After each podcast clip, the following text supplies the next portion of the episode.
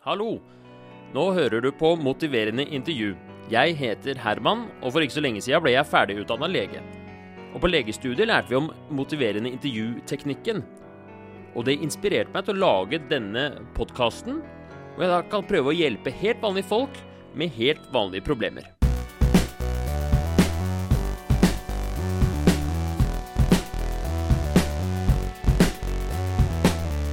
Dagens gjest heter Regine. Hun er 30 år gammel, og hun jobber med prosjektledelse innenfor finans. Det folk ikke vet om Regine, er at hun har et stort selvfølelseproblem. Og det påvirker jo selvfølgelig hvordan hun har det med seg selv, men også hvordan hun forholder seg til andre. Særlig da innenfor kjærlighetslivet. Så nå skal vi bli kjent med Regine, og jeg skal prøve å hjelpe henne med den dårlige selvfølelsen hennes i dagens episode av MI. Da ønsker jeg velkommen til, eh, til motiverende intervju. Takk. Hei, Regine. Hei. Har du noe, gjort deg noen tanker om uh, hva du har lyst til å Altså Nå som du kommer til dette motiverende intervjuet, hva har du lyst til å motiveres til? Jeg har veldig lyst på bedre selvbilde. Nemlig. Mm. Kan du forklare litt mer hva du mener med bedre selvbilde? Ja. Jeg eh, har eh, Hvis du spør de som ikke kjenner meg så veldig godt, så ville de sagt at jeg har veldig, veldig høy selvtillit. Um, men egentlig så har jeg veldig lavt uh, selvbilde, og nå er jeg ikke helt sikker på om det virkelig er forskjell på de to tingene. Men eh, jeg har tidvis ganske kjipe tanker om meg selv. Um, som jeg ikke er helt sikker på om er reelle. Jeg tror ikke egentlig de reflekterer virkeligheten. Og det syns jeg er litt plagsomt, og det vet jeg at de rundt meg også syns er veldig plagsomt. Så derfor så kunne jeg tenkt meg å gjøre noe med det. Hvordan er det de rundt deg merker du at du har uh, lavt selvbilde? Jeg er ganske flink til å snakke stygt om meg selv. Oftest så tror jeg nok at jeg gjør det på en spøkefull og humoristisk måte med litt ironisk distanse. Men, uh, men jeg tror uh, Jeg har faktisk fått kommentarer fra kollegaer annet om at de syns at det er ganske ubehagelig at jeg går og sier så mye stygge ting om meg selv. Um, og jeg vet også at det er irriterende for venner å måtte Så Man blir jo litt lei til slutt av å gå og si sånn nei, nei. Men, uh, og nå er det vel egentlig kommet til et punkt hvor jeg ikke hører meg selv uh, gjøre det lenger heller. Uh, og jeg vil jo ikke gå rundt og være irriterende.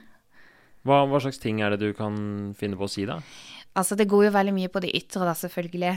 Um, det går jo altså veldig mye selvfølgelig på kropp og utseende. Eh, kan fint gå rundt en dag og kalle meg selv tjukkas 25 ganger.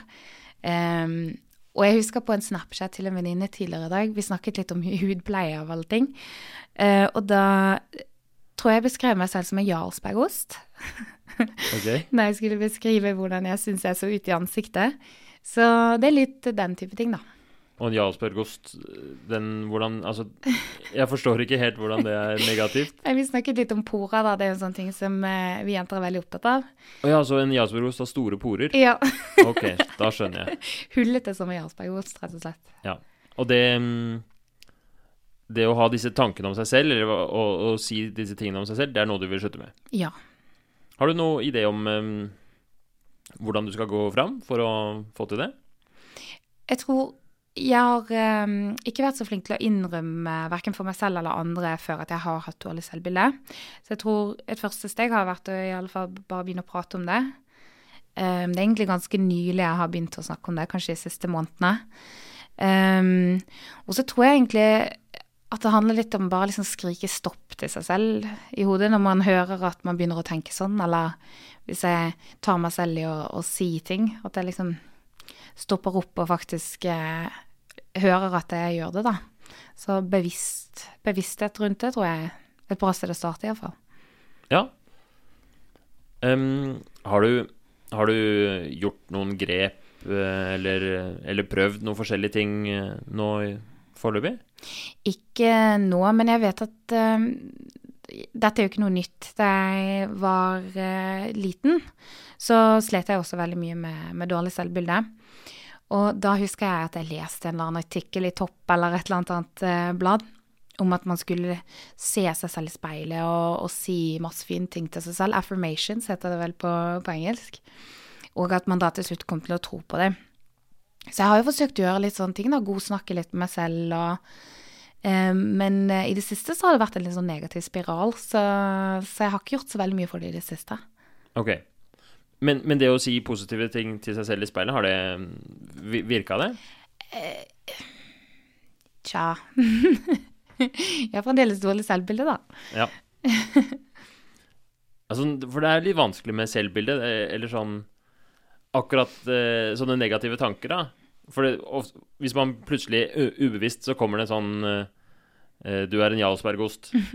og så tenker man sånn ah, Så blir man sur på seg selv fordi man hadde den tanken. Mm. Og så Å, du er en veldig negativ person, eller Fy søren, så lavt selvbilde du har. At det blir sånn dobbel um, Ja. Kjenner du deg igjen i det? Ja, jeg føler at det er to deler av hjernen som, som uh, har kontroll på de tingene der. For jeg tenker at hun som sier 'åh, nei, det var teit og ikke være sånn', det er den delen av meg som egentlig har, føler sympati, eller som er empatisk overfor den andre delen av personen min, da. Eh, så, så det, det syns jeg Altså, det, det gjør ikke vondt da å høre det. Eh, men det som jeg syns er mer skremmende, er jo det at jeg, ikke, at jeg ofte ikke har den tanken. Eh, sånn som dette med den jarlsbergosten, det er et eksempel jeg kom på nå, men da jeg sa det, så tenkte jeg ikke videre over det i det hele tatt.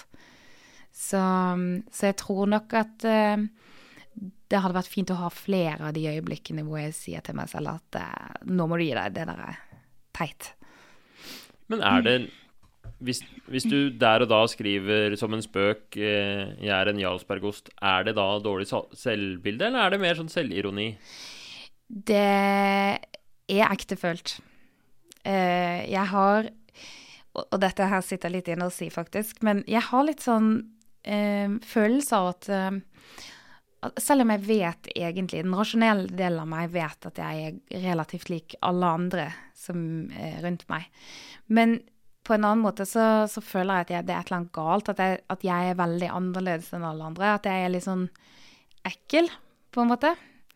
Um, så det, det sitter nok ganske dypt. Det, det er lett å komme på litt tullete eksempler når man skal snakke om det, sånn som dette med jarlsbergost.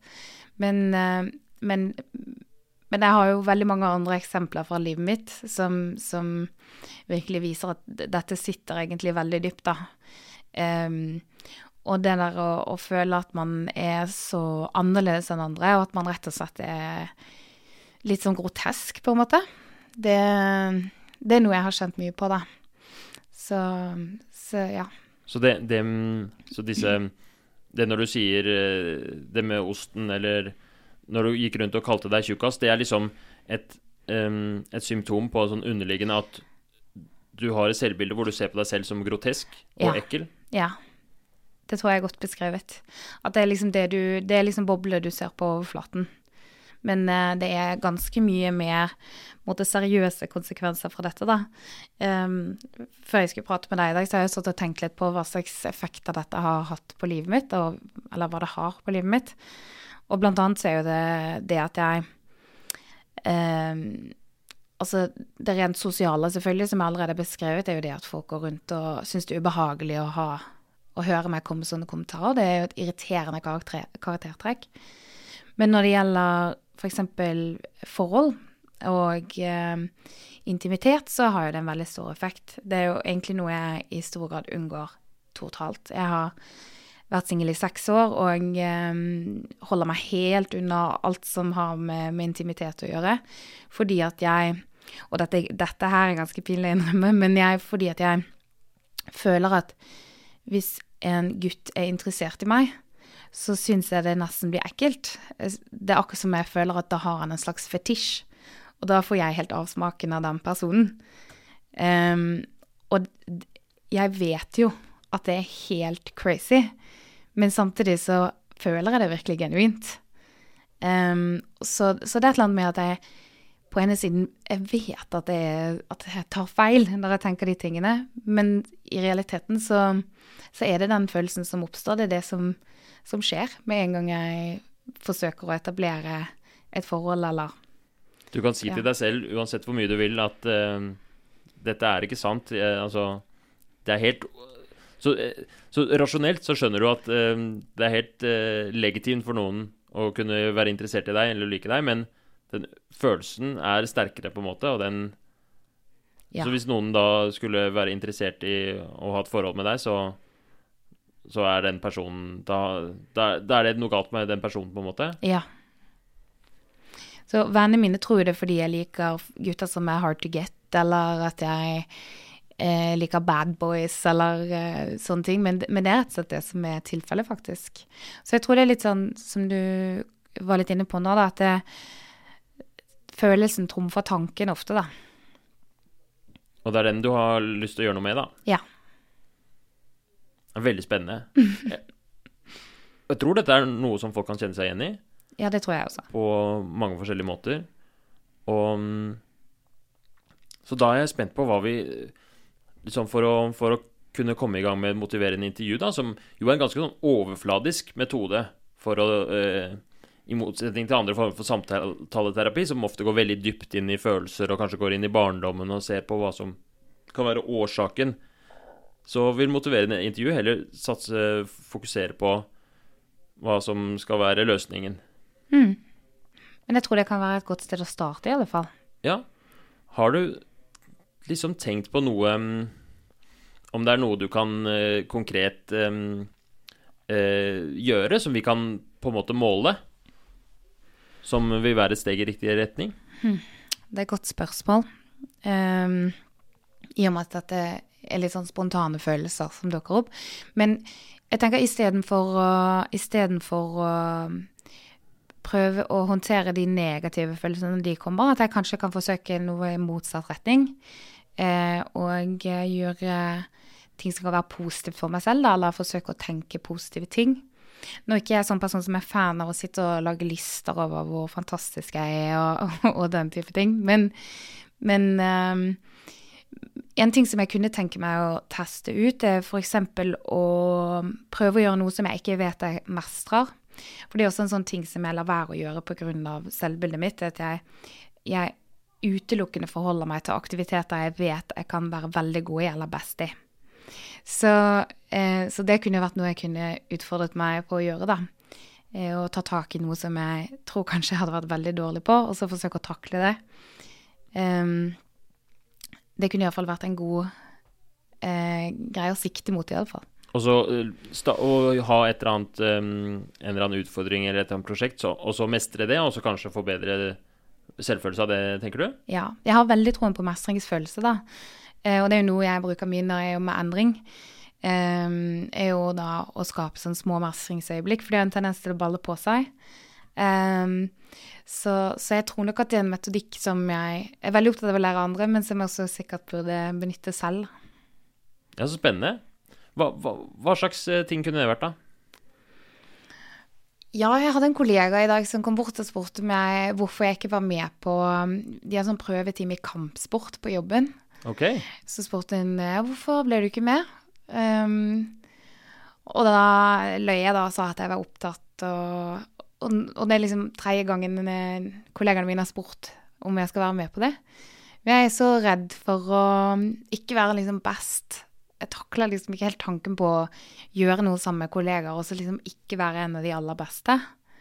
Akkurat som om det er en slags sånn nederlag å ikke være på pall, på en måte. Ikke det at du får pall i pallplasseringer for å drive med kampsport på jobb, men så det er en sånn greie der jeg har veldig lyst til å tørre å gå på. Det høres så banalt ut, men, eh, men det er sånn for, deg er det, for deg er det svart og hvitt, da, på en måte. At, så med en gang noe blir, blir noe som du ikke er best i, så er, det, så er du dårligst, på en måte. Ja.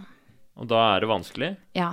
Men jeg ser jo det at det kunne vært eh, helt eh, Det kunne jo sikkert vært, vært eh, kommet mye godt ut av å prøve det, da. Ja. Jeg har det veldig ubehagelig i midten. Det, det er topp eller bunn. Så, så er man ikke på førsteplass, så er man på siste. Så, eh, og, og det må jeg liksom slutte med, da. Du vil lære deg å være komfortabel i midten. Ja. Eller kanskje bare ikke helt på toppen. Ja. Greit. Ja, men det er spennende. Så å, å begynne å Så en sånn konkret ting som du kunne kanskje hatt lyst til å bli pusha til, ville vært å, å dra på den, den kampsporttreninga. Er det noe sånn regelmessig, eller? Ja, hver onsdag har de det. Hver onsdag. Mm. Ok, så kult. Jeg skriver opp det. jeg. Ja. Er det noe annet, noe andre som tiltak? ja, jeg burde jo også forsøke å komme meg på litt dates, da. Ja. Eh, nå har jeg lastet ned Tinder sikkert 300 ganger, og jeg har den i nøyaktig liksom én til tre dager. Og så må jeg slette den. Fordi da er det en eller annen person som har ventet mer enn et par timer på svaret, eller noe annet som gjør meg flau, eller gjør at jeg føler skam, og så sletter jeg den. Så skam er ofte en gjenganger, da. ja. Så jeg burde jo forsøke å, å komme meg ut på noen dates.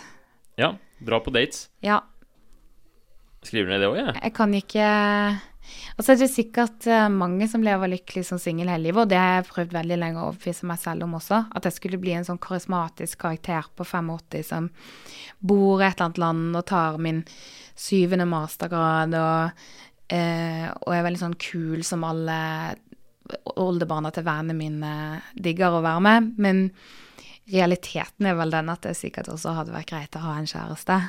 Og ja, dele den åttende masteren med. Ikke sant? Det mm, Du kan fortelle deg selv så mye du vil at du trives bra som singel, men du har lyst på kjæreste. Ja, jeg, jeg tror egentlig at de fleste vil det. Um, så det, bare det der å um, ha noen du har lyst til å Altså det der, noen du har lyst til å gjøre glad, på en måte. Litt sånn utover venneforhold. Eh, jeg savner litt den der følelsen av å, å føle liksom Å, herregud, det her var noe sinnssykt eh, morsomt som jeg vet vil gjøre en annen person glad. Eh, det føler jeg har ikke så mye konstant, i alle fall, som singel. Og den følelsen savner jeg litt, da. Denne behovet for sånn konstant deling. Um, og for å liksom berike en annen persons liv. Det, det savner jeg. Og det, det får man nok kun i et forhold. Men for å komme i et forhold, så tenker du at eh, da må du på dates? Jeg må i hvert fall komme meg ut av eh, de kjente vanene mine. Um, jeg er jo veldig sosial, men jeg gjør veldig mye helt likt hele tiden. Så det er liksom på fredager ut med den samme gjengen. Um, ja, så det, det er egentlig samme rutine hele tiden, de samme menneskene hele tiden. Så selv om jeg er veldig sosial og omgjengelig, så det er veldig få vinduer der for å møte the one, da, for å si Ja. det sånn.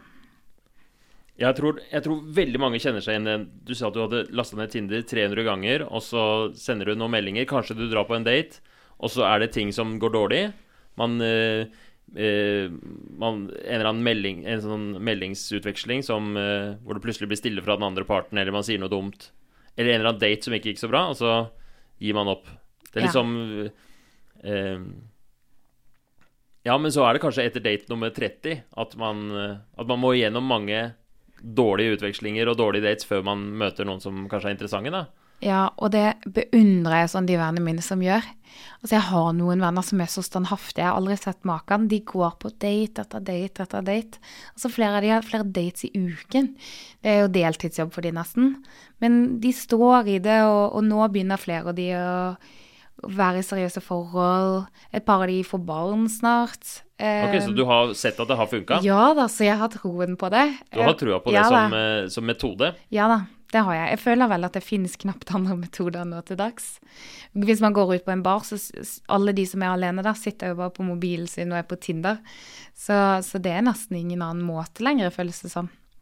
Med mindre man er veldig heldig, men, men så, så jeg tror nok egentlig det er Det er iallfall den letteste veien, tror jeg. Ja. Så du har både kampsport hver onsdag, dra på dates. Ja, men dette liker jeg. Jeg syns, det er veldig eh, smarte eh, tiltak, jeg. Har du noen flere? Uh, ja, det finnes sikkert masse, men uh, Nei, men det handler vel egentlig bare å forsøke å ikke alltid ta denne der kjappeste, enkleste veien. Fordi hele livet mitt bærer preg av det. Altså, jeg har valgt studiene mine basert på at jeg kunne slippe å ta GMAT-en. Fordi at jeg ikke har lyst til å gjøre matte. Så jeg hadde sikkert vært noe helt annet i dag hvis jeg hadde orket å ta GMAT-en. Og jeg eh, jeg har eh, Jeg trener det jeg trener bare fordi jeg vet at det er det jeg kan bli best i. Jeg har en personlig trener, så jeg spurte han en dag etter vi hadde holdt på å trene et par måneder sammen, så sa jeg sånn Nei, Nå føler jeg veldig sånn på Veldig sånn gjennomsnittlig. Jeg føler at jeg utvikler meg ikke i noen retning. Hva er det du tror jeg kan bli best på? Hvis du skal liksom si noe jeg kan bli best på. Så sa han nei, jeg tror du kan bli veldig sterk. Så sa jeg ok, greit. Da, da vil jeg jobbe mot å kunne dra lastebiler, liksom. Da, okay. da er det det jeg vil trene. kult. Så da har vi bare trent det. Så du Så- sånn hard styrketrening du nå når du Ja. Jeg trener sånn strongman-øvelse da. Så, og det, og det syns folk er stas, og det er veldig gøy å fortelle om det. Men samtidig så så vet jeg jo at jeg gjorde det fordi at det er det letteste for meg. Hadde jeg utfordret meg selv, så hadde jeg sagt sånn Altså, jeg, jeg burde gå på yoga, ikke sant. Jeg burde, eh, jeg burde gjøre den type ting som skremmer livet av meg. Ikke, eh, ikke liksom lære å, å løfte tunge vekter. Fordi det er jo jeg god på. Jeg burde egentlig fokusere på de tingene som gjør at jeg utvikler meg, ikke de, bare dyrke de tingene jeg er dritgod på. Ok. Det kan hende. Jeg, jeg syns det var veldig spennende. Jeg, akkurat som alle vennene dine som syns det var stas. Jeg ble fascinert. Men øh, er, er det en, så yoga, er, no, er det en ting du vil ha på lista, eller? Ja, jeg burde absolutt gjøre det. Vi har en familie med veldig dårlige hofter, så, så, så jeg burde ha fokus på litt sånne ting. Og så um, Altså, det er jo så mye man har lyst til å bli bedre på, eh, og ting man ønsker å utfordre seg selv på, egentlig. Um, så jeg er liksom redd for at listen Hvis jeg setter i gang, at listen blir veldig lang. Ja. Så jeg forsøker å holde meg til et par sånne ja. litt større punkter. Ja, vi også, altså I et sånt motiverende intervju så pleier man jo å fokusere på én ting. Ja. Og eh, så, så det må vi nok gjøre her òg. Men det er, jeg syns ofte, i hvert fall hvis man skal eh, Hvis målet er veldig viktig, hvis det med selvfølelsen er veldig viktig, så kan det være lurt å gå angripe det fra flere sider. Men eh, hvis, hvis vi ser nå da at du har kampsport hver onsdag, dra på dates, Tinder-dates, og yoga som tre alternativer, hvilken av de vil du velge å fokusere på i dag? Dates. Dates? Ja, Kult. for det er det verste. Ja. ja, men det er bra. Det er, vi, vi tar det verste. Vi tar tyren ved hor hornene. Men eh, bare før vi går liksom videre til neste del, så vil jeg bare prøve å etablere Hva innebærer det liksom å gå på dates? Hvis du klarer å på en måte beskrive For nå går du ikke på noen dates, Nei. og du har ikke Tinder på mobilen. Nei. Eller jo, jeg lastet den ned for tre dager siden. Okay. Men jeg er akkurat på det punktet hvor jeg tror jeg kommer til å slette den igjen. Ok, det var på, okay, det var på bristepunktet der, ja. Ja. Så eh, det, for, for å liksom Det som du vil, er at du skal ha Tinder de, neste ukene nå. Mm. Og gå på hvor, hvor mange dates ville vært uh... Ja, spørs hvor langt Hvis vi sier en måned, da. To dates, kanskje? to dates i løpet av en måned. Ja. Da er du fornøyd. Ja. Og så får jeg helt svette hender bare av å tenke på det, Ja. men ja. Så bra. Så det, det her gjør deg veldig nervøs. Ja, eller ikke nervøs, men jeg syns det er veldig ubehagelig. Så ja, For jeg er jo ikke nervøs når det gjelder å treffe folk. Det syns jeg ikke er skummelt overhodet. Eh, fordi jeg tenker i verste fall så har man truffet noen og pratet. Eh, men jeg, på den annen side så syns jeg det er liksom nesten kvalmende å tenke på å gå på dates. Eh, men det har jo med alle disse tingene som vi diskuterte litt i sted, da. Ja, det bærer jo med seg Vi kommer litt inn på det seinere når vi skal gå inn i liksom ambivalensen, men det, for deg så er det mye eh, følelser og, og tanker som, som kommer til overflaten, da. Ja. Jeg får faktisk, jeg har tenkt litt mye på det opp gjennom årene, men ofte etter sosiale interaksjoner, f.eks. hvis jeg har vært på fest eller vært og drukket kaffe med noen, eller vært på date, så får jeg eh, en slags sånn fylleangst. Sånn eh, som jeg kan tenke Å, herregud, hvorfor sa jeg det? Hvorfor, eh, hvorfor var jeg sånn? Hvorfor sluttet jeg ikke prate? Eh, og kan gå kverne på det eh, i dagevis. Og det er litt den følelsen, da, som jeg gruer meg til å få. Ja, for den forestiller deg at du kommer til å få noe Ja. du må, For å komme på date så må du sende masse meldinger også. ja. Skal du ha noen sånne mål på det, eller hvor mange meldinger du skal sende om dagen, eller sånne ting? Jeg har egentlig ikke noe særlig problem med alle disse meldingene. Det eneste er at jeg syns ofte de er fryktelig kjedelige, men, eh, men eh, Og det tar ganske mye tid. Men eh, akkurat, eh, akkurat det syns jeg ikke er noe problem. Det er bare det der å akseptere at det kommer til det punktet hvor man har nødt til å invitere hverandre med ut på date. Um, før du på en måte lar den flammen der slukke, da. Så, så jeg må nok bare kanskje være litt mer sånn eh, aggressiv på å få disse samtalene til å gå noen vei, da. Ikke bare dra det ut i det evige. For jeg tenker veldig ofte sånn OK, han gutten her, han virker interessant og spennende og morsom, og han er kjekk, og jeg kunne tenke meg å treffe han, men jeg skal bare et eller annet først. Jeg skal bare fikse håret, jeg skal bare slanke meg litt. Grann. Hvis jeg bare kan gå ned tre kilo til Så hvis, han, hvis jeg klarer å dra ut tiden litt, grann, hvis det går en uke eller to, så kan jeg være bedre innen den datoen. Og så driver jeg hele tiden og sier sånne ting til meg selv, og så bare blir det til at jeg aldri treffer, treffer han, da. Så, så, det er litt det der på, på tørre å close det og faktisk bare gå på den daten. Det er det som ja. gjenstår for deg, det, det å, å, å, spørre de ut, rett og slett? Ja. Eller eh, slutte å ghoste de på, på ja. melding. Ja, For det gjør du jo iblant? At du ikke svarer lenger plutselig? Å ja, nesten utelukkende. Ja. så jeg føler jo at jeg sikkert har ghostet eh, halve befolkning etter hvert. Nei, det hørtes veldig overbladisk ut, men, men, jeg føler iallfall at det, det, gjør med nesten alle. Så enten så ghoster de meg, eller så bare gjør jeg det. Bare slutter å svare til slutt. Og da ja. sletter jeg appen, da. ok, så målet blir å, å beholde appen? Ja. Ikke ghoste? Med mindre yes. du vil. Altså, det kan jo hende man vil, ikke vil snakke med noen lenger, da. Men noen må man ghoste. Noen må man ghoste. Men å, å, å komme deg på dates. Yes. To dates i løpet av uh, disse par ukene. Ja. Ja, men kult. Da skal vi gå videre til neste del, hvor vi skal utforske ambivalens.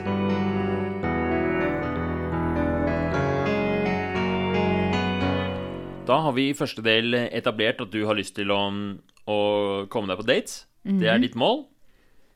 Og da trenger du litt motivasjon. Og øh, du sier jo det at du har jo, øh, hatt appen og sletta den mange ganger før, at du liksom ikke kommer helt av gårde, da. Mm. Og det er ofte fordi man har en eller annen eh, Eller motstridende tanker eller følelser til det å dra på dates, da. Mm. Så hvis vi begynner med fordelene med å, for deg å i løpet av neste uke dra på to dates, hva ville det vært? Altså, fordelene er jo det å få lov til å være sosial. Jeg syns jo det er kjempegøy å være ute og prate. Um, selv om jeg gjerne skulle vært flinkere til å ikke prate så mye selv. Uh, men det tror jeg er genetisk. Men eh, Og så syns jeg jo det er kjempehyggelig å være ute og spise og drikke vin og sånne ting syns jeg er utrolig koselig. Så, så, det er jo egentlig veldig mye positivt med å gå på date. Um, og så er jo det hyggelig å bli kjent med en ny person. Men eh, det er masse negativt òg. ja, vi skal komme til det negative. Vær trygg. Um, og så, Du snakker jo også det om at eh, å, å få seg kjæreste og kanskje barn etter hvert og sånt noe. At det, er, det å gå på dates, henger det liksom sammen for deg? Er det Ja, det er litt morsomt at du sier, fordi det ser jeg ikke nødvendigvis nå. Um, det er nesten sånn òg at jeg sliter litt med å se sammenheng mellom dates og få seg kjæreste. Men, um, men det er fordi det har jo stort sett bare vært første dates. Um, men jeg tror jeg tenker på kjæreste i første omgang, og så får liksom resten være litt uh, down the line. Ja. Jeg tenker ikke på at jeg må liksom gifte meg med det første. Nei. Men for deg så, så bare det å være aktiv på datefronten er gøy, syns du? Og du liker den, å, å, drikke vin og møte nye folk? Ja, jeg liker å drikke vin og møte nye folk. Men, eh, men det å gå på date i seg selv Altså det, det å sitte sammen med en gutt og drikke vin er veldig, veldig hyggelig. Men når det er et resultat av en Tinder-samtale, f.eks., da syns jeg det er veldig ubehagelig. Ja, for da kan vi gå til eh, ja. de negative sidene. De som gjør at du faktisk trenger motivasjon for å gjøre dette her. Så det aller, aller verste er det første møtet. Det første øyekontakten. Det er det verste jeg vet. Um, fordi jeg føler at uh, jeg føler at jeg er ganske fotogen. så, så, jeg tenker at forventningene er så innmari høye. Så jeg har liksom dratt frem alle de morsomste spøkene mine, vært skikkelig intelligent og Du vet, man googler masse når man sitter og har Tinder-samtaler, ikke sant? Og så har jeg lagt ved de nydeligste bildene jeg har av meg selv. Og så kommer jeg på daten, og så denne der skuffelsen i øynene når man møter daten sin. Det er ofte sånn Jenter er ofte mindre pene i virkeligheten enn på Tinder-profilen sin, mens gutter er alltid mye kjekkere i virkeligheten fordi dere tar så dårlige bilder av dere selv.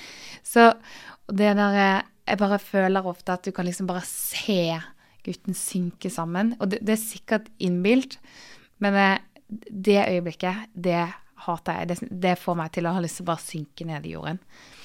Um, og så pleier det i midten der, før avslutningen, det, det, føler jeg pleier alltid å være veldig hyggelig. Drikker vin, prater. Um, det pleier jeg å mestre ganske bra.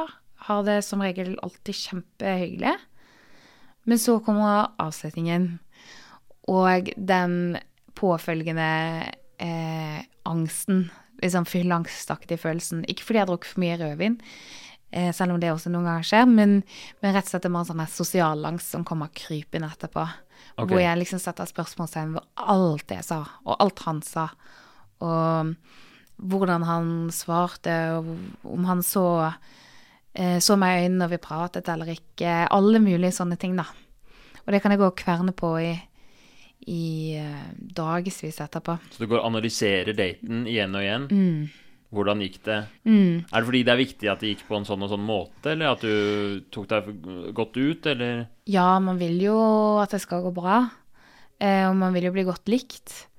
Um, så det som regel skjer, er at jeg, jeg er så livredd for, hva, for at jeg har gjort et dårlig inntrykk, så klarer jeg til slutt å snu det. Sånn at jeg blir sånn Nei, æsj, han likte jeg ikke. ok, så det blir sånn der, eh, automatisk at du avviser folk fordi ja. du er redd for å at du skal bli avvist selv? Ja. Det høres jo veldig klisjé ut. Nei, men, men... er det Gjør du Gjør du teite ting, eller sier du dumme ting, eller er det at du svartmaler det etterpå? Jeg svartmaler nok. Jeg tror egentlig at jeg er ganske morsom og sjarmerende, men men etterpå så jeg, Altså, min største last er at jeg prater for mye, og jeg prater for mye om meg selv. Så en podkast om meg er jo perfekt setting. Um, og samme er å gå til frisøren eller sånne ting, for da, da, er det lov. Men på date skal man helst ha litt balanse. um, så det er ofte sånne ting det går på, da. Ja, at du, du føler at du har prata for mye? Ja. Og så er det det som jeg syns er veldig flaut å snakke om, men så er det dette med utseendet, da. At jeg tenker sånn Å, herregud, han må ha vært så skuffet når han så meg. Og så holdt han ut hele kvelden fordi jeg er så morsom, og fordi vi hadde vin. Men egentlig så syns han jeg er kjempe, kjempe, kjempeekkel. Um, og, og, det er vel Ja, det er vel der liksom det virkelig kommer inn, dette med selvbildet. Um, og det høres ut som jeg overdriver, men det er virkelig sånn jeg tenker, altså. Så for deg å dra på en date, det vil innebære at du vil føle den følelsen etterpå? Ja. Du vil, du vil liksom være sikker på at han syns du var ekkel? Ja. Da skjønner jeg at du har sletta den appen et par ganger, da. Ja. Det høres jo helt uh, for, forferdelig kjipt ut. Ja, det er ikke så veldig gøy, nei. Så, og, og liksom, jeg prøver å liksom etterrasjonalisere det. Jeg prøver å tenke sånn prøver noen ganger å sånn, stå og se meg selv i speilet og tenke sånn Herregud, du er normal. Du ser normal ut. Eh, og liksom Men så bare jeg klarer liksom det ikke, bare. Fordi i, i møte med en annen, eh, spesielt en gutt, så tenker jeg alltid sånn Nei, jeg er helt grotesk. Eh, jeg vet jeg er helt korka, men eh, Men det er alltid sånn jeg sitter igjen da, etter en date. Ja, sånn er det, liksom. Ja. Så det Og litt av grunnen til at um, Eller Fordi nå havner vi litt i sånn sirkel, da. Mm. Fordi det å dra på dates, litt av tanken med det er at det kanskje kan hjelpe på selvfølelsen. Ja. Eh, så tror du dette, når du har vært på et par dates, tror du dette vil bedre seg? Altså, det er jo det jeg håper, da. Sånn som disse venninnene mine som bare går igjen og igjen og igjen på dates. Eh, de får det til. De takler jo avvisning hele tiden. Nå får ikke jeg håpe vennene mine hører på dette, men, men, eh, men sant De de klarer liksom å bare feie det av seg og tenke sånn Ja, ja, men vi var ikke noe match. Og så gå videre på neste. Og jeg tenker sånn at det er noe man må øve litt på, da. Jeg tror jeg har lært meg disse tingene. Jeg tror at det er blitt en vane. Og jeg tror det er et mønster som kan brytes, men jeg har nødt til å på en måte utsette meg selv for det for å klare å bryte det, da. Du må tvinge deg gjennom eh, en masse dates. Ja. Ja, men bra. Og så gjøre noe med tankemønsteret etterpå. Ja. Ja, jeg, jeg, jeg har trua på strategien din, jeg. Bra. Takk. Men altså, eh, er det noen andre eh, negative følelser som dukker opp i forbindelse med disse datene? Nei, det kan vel ikke bli stort verre enn det som jeg har. Ja, så det er Du, eh, du gruer deg til ehm, Så meldingsutvekslingen og sitte og, og drive og matche og lete etter match og sånn, det går fint. Det går helt fint. Og så, men det er å møte å, å ta liksom mot til seg og spørre ut. Eller å dra på date dra og ikke på ghoste. Ja. Det er vanskelig. Og så når du møter, møter opp, første øyekontakten, Ja. og da kommer det en følelse i deg, sånn 'jeg er skuffende'. Ja. Og så etterpå så kommer det en følelse i deg 'jeg har vært uh, teit og snakket for mye', og han syns nok ikke noe om meg. Ja. Jeg bare tenkte på sånn Har du vurdert å ikke ha så flotte bilder av deg selv? Ja, ja, jeg har jo det. Uh, jeg tror de bildene jeg har Jeg kan vise deg de etterpå til deg. Ja. Jeg tror de bildene jeg har, er, er gans... Altså, det er rart. Jeg tror egentlig at det er jeg som forteller meg selv at de er for flotte. For jeg tror at jeg kan se på disse bildene og tenke sånn Det var fine bilder. Og så kommer et sånt monster bak meg og sier sånn De bildene er altfor fine. Du er egentlig mye, mye styggere enn på de bildene. Ja, så det er ikke sant det, det, du, det du sier om at bildene er flottere enn eh, Det er på en måte en irrasjonell greie. Det er en stemme mer enn realiteten. Ja, jeg tror egentlig det. Så For jeg har en tendens til å si, eh, si det Det er veldig mye på jobb òg. Du vet sånn når folk skal finne deg i ansattelister og sånn for å eh, komme og prate med deg. Ehm, og så sier folk sånn 'Å, jeg kjente deg ikke igjen'. Og det er sikkert delvis også fordi jeg pleide å være platinablond før, og nå har jeg brynt hår. Um, men at, eh, og da pleier jeg alltid å si sånn 'Å ja, men det er fordi jeg er så vakker på det bildet'. Jeg pleier alltid å si sånne ting, da. Um, Ja, som på en måte er en, sånn, det er en selvironisk spøk eller noe morsomt, men, så, Ja. men for, for deg så øh, er det noe underliggende der, da. Det, så kommer den derre selvfølelsetingen opp der òg, da. ja, så nå har jeg sluttet å ha bilde på profilen min på jobb. Grunn av det. Ok. Ja. Men um, da har vi jo klart å, å, å, å dykke fram Eller du, det har jo kommet veldig enkelt og greit fram da, at uh, du vil dra på disse datene. Du mener det er uh, riktig valg for deg, på en måte. Men det kommer til å bli smertefullt Mm, av disse følelsene. ja. Er du villig til å gå gjennom det her? Ja, jeg føler vel egentlig at jeg må. Um, det beste hadde vært om, om man bare kunne liksom gå på masse blind dates, sånn at man ikke hadde noen forventninger i forkant. Det hadde vært mye bedre. Ja. Men for dette føler jeg iallfall at jeg ikke skuffer noen. Uh, men, uh, men ja. Men jeg tror, nok, jeg tror nok jeg bare må gjøre dette. Jeg tror ikke jeg har noe valg. Ja, ja men bra. Da, men du er villig til å, å i, i løpet av de neste ukene møte noen, og så ha den følelsen Nå skuffer jeg sikkert, eller Du er liksom Du, har, du, er, du er klar for det, og kjemper deg gjennom det? Ja. Nå har jeg iallfall uh, uttalt alle disse tingene. Det, det, jeg har aldri på en måte sammenhengende pratet om det før. Så nå har jeg iallfall etablert hva tankemønsteret er, så kan det hende det er litt lettere for meg å, å prøve å bekjempe de tankene med noen eh, rasjonelle mottanker, i alle fall, sånn at jeg kan forberede meg. Ja. Ehm, så ja, så det er iallfall et godt verktøy å ha med seg. ja. Og fordi du har sagt at etter disse datene så kommer du også til å ha den angsten. Ja, ja. Men det er du klar for? Du, du, du skal tåle den? Ja. Jeg må jo det. Ja vel. Jeg tror ikke det blir gøy, og jeg tror ikke det blir lett. Og um, jeg tror ikke det er sånn at det er tre dates, så er det vekk. men eh, men eh, jeg, jeg tror For dette liksom nå har, jeg, nå har jeg gått i seks år og unngått dette. Det begynner å bli litt på tide, da. Ja. Eh, jeg, er så, jeg er ganske tøff ellers, så dette virker liksom så håpløst å ikke tørre. Ja, for jeg syns du virker veldig motivert, da. Så, Ja. og, og det, det kan jo Det er noe annet også som kan dukke opp, da. At du går på dates, og så føler du at For vi har nå har liksom etablert en tanke om at det kommer til å løse noen problemer for deg på sikt. Ja. Men ofte så når man begynner på en endring, så går det treigere enn man forventer, da.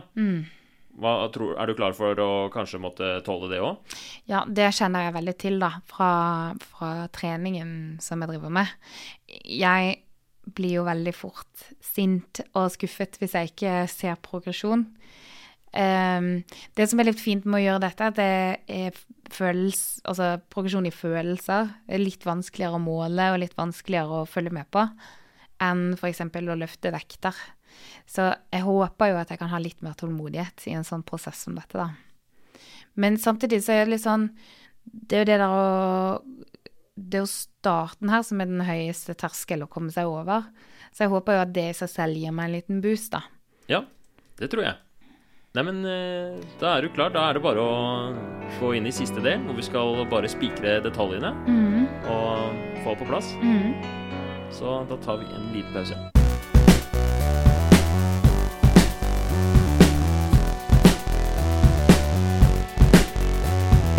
Ok, da har vi gått gjennom to deler. Vi har først etablert hva det er du vil eh, på en måte endre, som er da at du vil gå på flere dates. Og så har vi utforsket ambivalensen, og vi har sett på hva som er fordelen med det. Det er jo gøy, det er sosialt, og det leder jo mot kanskje Altså det føles som en viktig ting i, i, i livet ditt, da, både for selvfølelsen og for uh, hva du har lyst til. Men så er det også masse negative følelser forbundet med det. Så det blir tøft. Men du vil det, har du sagt. Ja. Eh, Men da kan vi bare begynne å spikre detaljene, da. OK? For vi har avtalt nå at vi skal møtes om tre uker. Yes. Så hva skal gjøres fram til det? Jeg må jo ikke slette Tinderen min i dag, da. Ja, Eh, kanskje få hjelp av noen venner til å gå gjennom noen bilder. Legge ved noen Høre om de faktisk er så nydelige som jeg tror de er, eller om de er realistiske. Og så må jeg faktisk begynne å sette opp dates, da. ja. Så jeg prater med to gutter nå. Ok, så du har jeg- to på jeg har- gang. Jeg har to på gang, men jeg har, all, jeg har kjent at jeg har begynt å kjøle ned i dag. De har begynt å kjøle ned, eller du? jeg har, jeg har eh, latt være å svare på de siste meldingene. Så det første jeg gjør når jeg går ut herfra, da blir jo å svare på de meldingene, da. Ok, Kanskje jeg kan nevne denne podkasten og si at jeg er blitt utfordret til å gå på date. Kan bruke det som utgangspunkt. ja. Så har jo jeg da lovet at jeg skal gå på to dates. Ja, Så kanskje det blir de to, da. Så jeg har allerede kommet ganske langt. ja det høres jo veldig bra ut. Men nei, fordi um, um, det, du var redd for at du hadde Hvis du ikke hadde hatt den samtalen her, hadde du ghosta de da? Ja, virkelig, ja. Du hadde ikke Jeg hadde helt sikkert slettet appen i kveld, tror jeg. Ok. Mm. Ja, men Så det blir skikkelig barriere for deg, da? Ja, det blir det. Og så må jo jeg da finne ut av hvordan jeg skal håndtere alle disse tingene som skjer etter daten. Ja, for det, Og, og egentlig det første øyeblikket. ja, det blir veldig spennende å høre hvordan, om det var sånn som du har beskrevet, om det blir sånn som du forventer. da Om Ja. du får den følelsen um, hvis, hvis det dukker opp, da. Først den der følelsen av at du skuffer. Hva skal du gjøre da? Åh, jeg vet ikke. Har du noen tips? Ja, altså Da er du jo i gang med daten. Altså, Du må jo nesten bare ha den følelsen, og så fortsette med daten. ja, for jeg kan ikke spørre det. Jo, kanskje det. Jeg vet ikke. Men det virker kanskje litt vel Litt vel sånn uh, selvdestruktivt å komme inn i daten og si sånn Du, er du skuffet, eller? Ja, nei, det, Sånn må du ikke starte daten. Nei. Det, det går ikke. Du må si 'hei, så hyggelig'. Men ja, men kanskje jeg skal forsøke å ikke lese så veldig mye inn i de første Første um, ansiktsuttrykkene. Og så tror jeg kanskje også at jeg skal forsøke å pynte meg denne gangen. Okay. jeg pleier, jeg pleier å liksom på en måte kle meg litt ned når jeg skal på date. Oh, ja. Altså ikke det at jeg kommer i Jeg kommer ikke i onepiece, men uh, liksom Kjørt sånn forenklede utgaver av de antrekkene jeg vanligvis går med. Men de fleste tror jeg pynter seg litt på date. Mens jeg er litt sånn OK, men da går jeg i jeans og joggesko og kjører litt sånn casual look. Um, så kanskje jeg faktisk skal pynte meg litt. Kan hende det er derfor de blir litt skuffet også, fordi jeg De kommer forventer mer pynt. Ja, kanskje. Ja, du har jo sagt at du ikke vet om de faktisk blir skuffet, da. Ja, det vet jo jeg ikke. Så Ja, så her er jo det på en måte litt selvbilde som prater igjen, da. Men uh, ja, jeg er litt sånn usikker på hvordan jeg skal forsøke å Kanskje jeg skal bare forsøke å ikke Ikke tenke så veldig mye. Bare oppleve det, liksom. Ja. Så kanskje, man skal, kanskje jeg skal forsøke å velge noen ny type date også, med litt mer action. Enn bare gå og sitte og drikke vin. Du kan kombinere med den kampsport-ideen. Ta de med på ja, Det var forresten en dårlig idé, tror jeg. Det vet jeg ikke var noen god idé. Ja, Spesielt når jeg er så opptatt av å vinne. Ja, ja så de kommer jo til å få blått øye, kanskje. Ja, jeg tror det. For I og med at jeg trener så mye styrke også, så tror jeg det blir vanskelig. Ja. Mm. Ja, ikke Ikke gjør det. Men kanskje yogaen, da. Ja. Da får du i hvert fall mye utfordring på en gang. Ja, det blir iallfall veldig utfordring på selvbildet, for det å krølle seg sammen som kringle når man skal Mm, I noe som du har sagt allerede, og du tenker sånn Det er jeg ikke så god i fra ja, før. I spandex. Det tror jeg skal la være å gjøre. Ok. Men eh, nei, et eller annet eh, hyggelig må jeg få til å gjøre, da. Så kanskje forsøke å bryte litt med de mønstrene, for det er som regel bare alltid liksom, gå på de samme stedene, drikke rødvin. Eh, så s- kanskje forsøke å finne på noe nytt, da. Jeg tror en nøkkel her er litt, å bryte litt mønstre. Ja. Mm. Så allerede ved å ikke slette Tinder og gjennomføre dates For sånn som jeg har forstått det, så har du ikke dratt på så mye dates i det siste. Nei. Hvor lenge er det siden sist gang, da? Det var en lang gang i fjor. Ja. Så allerede ved å, å øke volumet, på en måte, Ja. så bryter du mønsteret. Og kjenner jeg deg rett, så kommer du til å overtenke og, og, og gå veldig sånn inn i det og prøve å gjøre det perfekt og på mange måter. Du har allerede planer om å pynte og sånt noe. Så for, for slik jeg ser det, så er målet at du skal komme deg på datene. Ja. Så det er suksess, uansett hvordan det går, uansett øh, om du får disse følelsene som du har snakket om eller ikke. ja. Det er det samme. Men jeg tror også dette med å pynte seg litt handler litt også Litt sånn som jeg gjør med å slette Tinder eller ghoste folk. Det er jo det der å avslutte ting eh, før det har begynt, da. For det gjør jeg litt på dates også. Sånn kle, pynter meg ikke Jeg tar liksom ikke kontroll over daten, da, eller viser meg ikke fra mitt beste side, fordi da eh, Så jeg gir det ikke en sjanse, da. Ja, du Ja, ikke sant, du skaper Du tør ikke å Det er skummelt, da. Ja. Å, å, å leve i noe hvor, hvor eh, ting ikke er svart-hvitt. Hvor ting er normalt. Mm. Hvor eh, så lenge, For hvis du har pynta deg alt du kan, så, så har du på en måte begynt på noe. Ja, og da har jeg også liksom bydd mer på meg selv, ikke sant. Så hvis jeg Da, da er forventningene enda høyere. Det, det er mye Liksom klatret høyere, det er lenger å falle, ikke sant. Så jeg tror, jeg tror det er en, en, en ting jeg har hatt for vane å gjøre, da. Ha altfor casuale dates, eh, hatt altfor casuale samtaler, og ikke egentlig liksom Jeg har liksom ikke vært så veldig fremoverlent, da. Jeg har ikke virkelig gitt det en sjanse. Så jeg tror at jeg må liksom ta datesene litt mer seriøst, på en måte. Gi Ja. det en sjanse, ikke bare ødelegge før det har begynt. Det høres veldig bra ut. Og da sitter man kanskje igjen med litt bedre følelse etterpå også. Men det er skumlere, da. Ja, mye, mye skumlere. Mm. Men eh, det, jeg kommer til å bli så imponert uh, hvis du, når vi snakker neste gang, om du har klart det. Ja, Og virkelig gitt de datene en sjanse. jeg må Og- jo nesten det, da. Jeg er ikke glad i å ikke levere. Nei, du må det. Og drømmeresultatet er at du har gitt en date eh, en skikkelig sjanse, og så skjer det som skjer da. Og, for det kan jo hende at eh, Altså Sånn i, i Hvis det ikke blir terningkast seks, på en måte, så er det jo Tenker man jo ofte at da var det en mislykket date, Fordi da, da, da blir det ikke noe Altså, han likte meg ikke, eller jeg likte ikke han, eller noe sånt noe. Men eh, man må Hvis man ikke triller terningen i det hele tatt, så får man i hvert fall aldri noen seksere. Mm. Så hva, som, hva terningen lander på, er vi ikke så opptatt av, men at du faktisk eh, går for det, det, det er det vi er, er ikke det riktig? Jo. Det er veldig riktig. Det er derfor jeg var så dårlig i yatzy før. jeg takler ikke for, ikke for yatzy. Nemlig. Men eh, nei, men det er godt eh, poeng. Jeg har nødt til å gjøre det. Eh, men jeg er jo veldig redd for at jeg ikke skal få denne der meldingen dagen etterpå. Ja. Sånn, det var hyggelig. Det har faktisk hendt at jeg har fått melding samme kveld, men så har jeg aldri hørt noe igjen. men, eh, men det er den avvisningen jeg er litt bekymret for, da. Men eh, herregud, folk blir avvist hele tiden, så jeg må bare fortelle meg selv at det, det er bare vanlig. Det er det du sier om de venninnene dine, at de, altså de har stått på selv om de har fått avvisninger. Ja, og de er jo helt supre. Mm. Det er jo fantastiske jenter. Så Det er Det tror jeg er eh, på samme måte som hvis du skal bli sterkere, så må du ha smerter når du trener. Mm. Og hvis du skal på en måte delta i noe som helst form for kjærlighetsliv og møte noen og, og date, så må du bli avvist. Jeg så sånn dumt ved sånn sitat på Instagram forleden dag, som jeg resonnerte litt. Ehm, selv om det er veldig klisjé, men det sto du kan være verdens deiligste fersken, men du vil alltid møtes noen som ikke liker fersken. Uh, og det syns jeg var litt hvor, Altså det er veldig banalt, men allikevel så tenkte jeg sånn Det er jo litt viktig å minne seg på, da, inni, innimellom. Eh, Så jeg er så glad jeg har så kloke gjester jeg, i den podkasten min.